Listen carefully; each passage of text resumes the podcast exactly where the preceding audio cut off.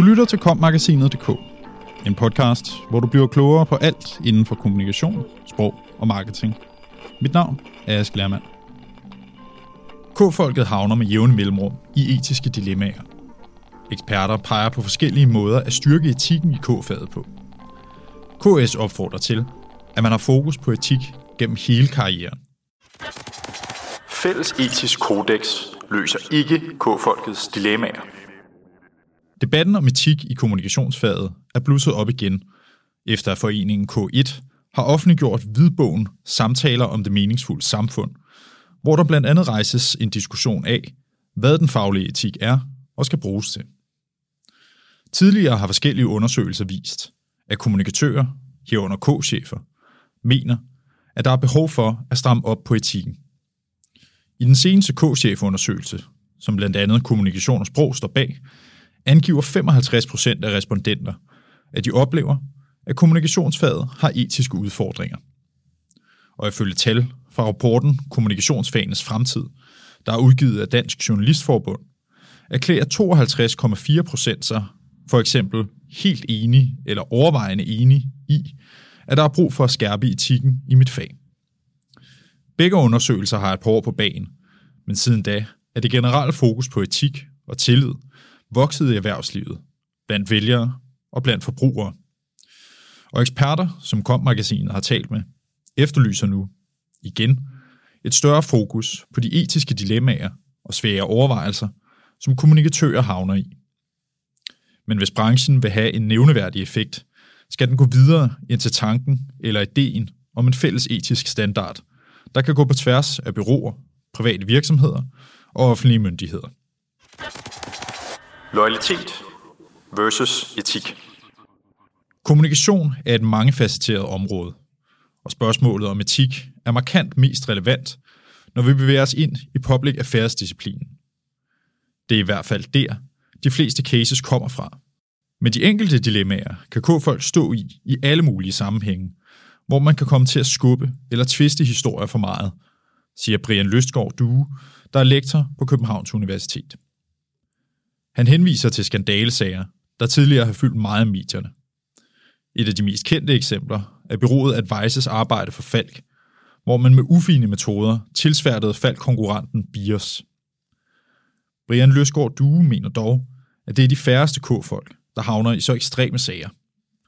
Alligevel mener han, at samtalen om, hvordan man styrker etikken og den etiske bevidsthed, er vigtig. Det samme gør lektor på CBS, Karl Hans Pogner, der blandt andet forsker i kommunikationsetik. Det bliver sværere at vide, hvem man skal have tillid til og tro på, eller hvem man tillægger troværdighed. Det har hjulpet, at kommunikations- og rådgivningsbyråer har været involveret i skandaler. Dertil kommer, at vi har fået alle mulige former for washing, og at alternativ sandheder er blevet et begreb, siger han, og henviser til de seneste 15 års udgiver af Edelmans globale Trust Barometer – Branchen har historisk prioriteret loyalitet over for arbejdsgiveren eller kunden højere end sandheden eller bidraget til den gode samtale i samfundet. I dag taler vi om, at vi har et samfundsansvar som kommunikatører. Men nogle gange walker vi ikke the talk, siger Karl Hans Porne. Skal være levende. Flere gange, og gerne når en skandale har ramt medierne, har der været efterlysninger af et fælles etisk kodex for kommunikatører. Der findes dog allerede flere kodexer, i form af for eksempel Helsinki-deklarationen eller The Stockholm Charter, der begge er skabt af The International Communications Consultancy Organization, ICCO, og som DI's principper for god lobbyisme tager udgangspunkt i. Men når de uheldige sager alligevel popper op med jævne mellemrum, eller kommunikatører i øvrigt havner i svære situationer, så viser kodexerne sig, ifølge Karl Hans Pogner, at være utilstrækkelige ligesom de i øvrigt heller ikke dækker hele kommunikationsbranchen. Jeg tror ikke, at en standard er løsningen. Især ikke fordi en standard ofte hverken har sanktionsmuligheder eller en opdragende, reflekterende del, siger han og fortsætter. Det nytter ikke noget, hvis et kodex står på hylden. Det skal leve. Problemet med standarder er, at de ikke lever. Og det vigtigste i etiske spørgsmål er diskussionen, fordi det ofte handler om svære dilemmaer. De kan ikke løses. Der findes, på bestemte præmisser, bedre løsninger end andre, men du kan ikke løse et dilemma som sådan. Der er aldrig kun ét svar på det. I stedet er der tale om en afbalancering. Og der er risikoen, at det tipper over mod vækst og penge. Hvad er så løsningen? Vi må videre fra standarder og spørge os selv, hvilke konsekvenser har det, jeg gør og laver? Så skal vi være optaget af både indhold og form, siger Karl Hans Provner, der fortsætter. Vi har kigget på standarder, code of conducts, deklarationer osv. Det meste handler om indholdet, men ikke om formen, altså hvordan man kommunikerer. CBS-lektoren har tidligere over for KOM-magasinet lanceret ideen om et etisk kompas, altså en form for levende model, som kan tilpasses den enkelte kommunikatør. For som man også påpeger, så er etik et dynamisk og individuelt anlæggende, der varierer fra person til person og fra organisation til organisation. Ideen med et kompas er, at man arbejder og orienterer sig ud fra det. Kompasset indeholder forskellige værdier, som respekt, troværdighed, anstændighed, transparens og tid. Eller slow communication, altså at man tager sig tid til at overveje budskaber, konsekvenser osv. Det vil kunne føre til, at kommunikatører i det daglige arbejde vil blive mere bevidste om at kommunikere med tillid og respekt, mener han. Og som han retorisk spørger, forfører vi nogle kunder eller brugere, eller går vi ind i en dialog om at finde de bedste løsninger? Altså en form for crowdsourcing af idéer. Dermed lægger Karl Heinz Porner sig på linje med pointerne i hvidbogen fra K1, hvor der netop lægges op til et øget fokus på samskabelse i kommunikationsarbejdet. Bedre uddannelser. På Københavns Universitet mener kommunikationslektor Bjørn Løsgaard Due heller ikke, at en fælles etisk standard for kommunikatører på tværs af branchen nødvendigvis vil batte det helt store. For nogle år siden præsenterede han, sammen med kollegerne, en matrix over forskellige måder at håndtere etiske spørgsmål på. Akserne, man ifølge Brian Løsgaard Due skal forholde sig til, er, hvor meget regulering der skal være på den ene side, og hvilken slags etik man anvender på den anden side. Samtidig skiller han til for eksempel lægestanden, hvor man afgiver et løfte, der indeholder en række etiske forpligtelser, som man påtager sig ved indtrædelse i stand. Hvis man har et kommunikationsløfte i bagagen, så kan man tage det frem og huske sig selv på de 10 principper af og til. Det er ikke sådan, at man som kommunikatør fra den ene dag til den anden laver en kæmpe overtrædelse. Det er de små skridt over lang tid, der kan føre til, at man måske går for langt. Og jeg tror ikke, at løftet skal indeholde færdige principper eller standarder, men derimod nogle redskaber, der kan få en til at reflektere over de dilemmaer, siger Brian Løsgaard Due. Hvilken effekt vil sådan noget have?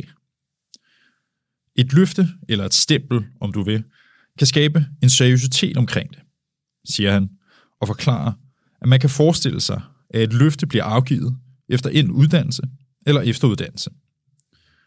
Dermed er han også fremme med sin anden pointe. Alle kommunikationsuddannelser burde have et forløb, hvor man grundigt gik igennem etiske dilemmaer, havde refleksioner om etik, så man som studerende bliver bedre rustet til virkeligheden. Lige nu er der ikke nok fokus på det. Man kommer ud af universitetet, og pludselig skal man forholde sig til etiske dilemmaer i praksis, uden at have tung viden i bagagen, siger Brian Lysgaard Due, der fortsætter. De diskuterer selvfølgelig cases på studierne, men den grundlæggende forståelse af, hvad etik er, de forskellige former for etiske positioner, og hvordan man kan håndtere dilemmaer, er i mine øjne alt for fraværende. Vi skal begynde at uddanne etiske kommunikatører, der har nogle redskaber, så de bedre kan forstå dilemmaerne i det, de står overfor. I virkeligheden handler det om, at man skal have skærpet sin dømmekraft. Hvad vil det betyde for K-folks omdømme? Hvis man spørger folk, om et budskab er blevet mere sandt, hvis der har været kommunikationsfolk inden over, så vil mange nok sige, at det nok er blevet pyntet på det, fordi nogen har en interesse i det. Det er grundlæggende set et forkert image for en faggruppe. Så målet må være, at opfattelsen af de budskaber, der har været igennem kommunikationsfolk, er, at de er sande. Kommunikationsopgaven er ikke at pynte på ting, siger Brian Løsgaard Due. Svær øvelse. Forperson i kommunikation og sprog, Katrine Holm Nielsen, er i store træk enige med Karl Heinz Porner og Brian Løsgaard Due. Det bliver altid meget langhåret eller uhåndgribeligt, når man forsøger at nedfælde et kodex, der går på tværs. Så kan man gå ned i en case, men når man så griber fat i en anden case, så er der nogle andre præmisser, som gør sig gældende. Og så er det der, det bliver fluffy, siger hun og tilføjer. Samtidig skifter det etiske ansvar, eller det korrekte at gøre, over tid. Så selv hvis man lykkes med at lave et fælles kodex, så vil det næsten være forældet, så snart man var færdig. Eller man ville i hvert fald se det i et andet lys, når tingene forandrer sig. Men, understreger Katrine Holm Nielsen, det betyder slet ikke, at man som kommunikatør ikke bør gøre sig etiske overvejelser om, hvordan man bruger sine redskaber, former budskaber eller anvender data. Her er samtalen mellem kolleger, med chefer eller i KS-regi vigtig. Kommunikationsfaget rummer i høj grad det etiske aspekt. Det bliver hele tiden mere aktuelt, fordi virksomheder er nødt til at tage stilling, sige hvad de mener, eller hvad deres formål er. Det tilkendegiver de også, hvad de synes, der er det rigtige, siger Katrine Holm Nielsen. Du lyttede til kommagasinet.dk, podcasten til dig, som elsker kommunikation, sprog og marketing. Subscribe, del og lyt med i næste uge.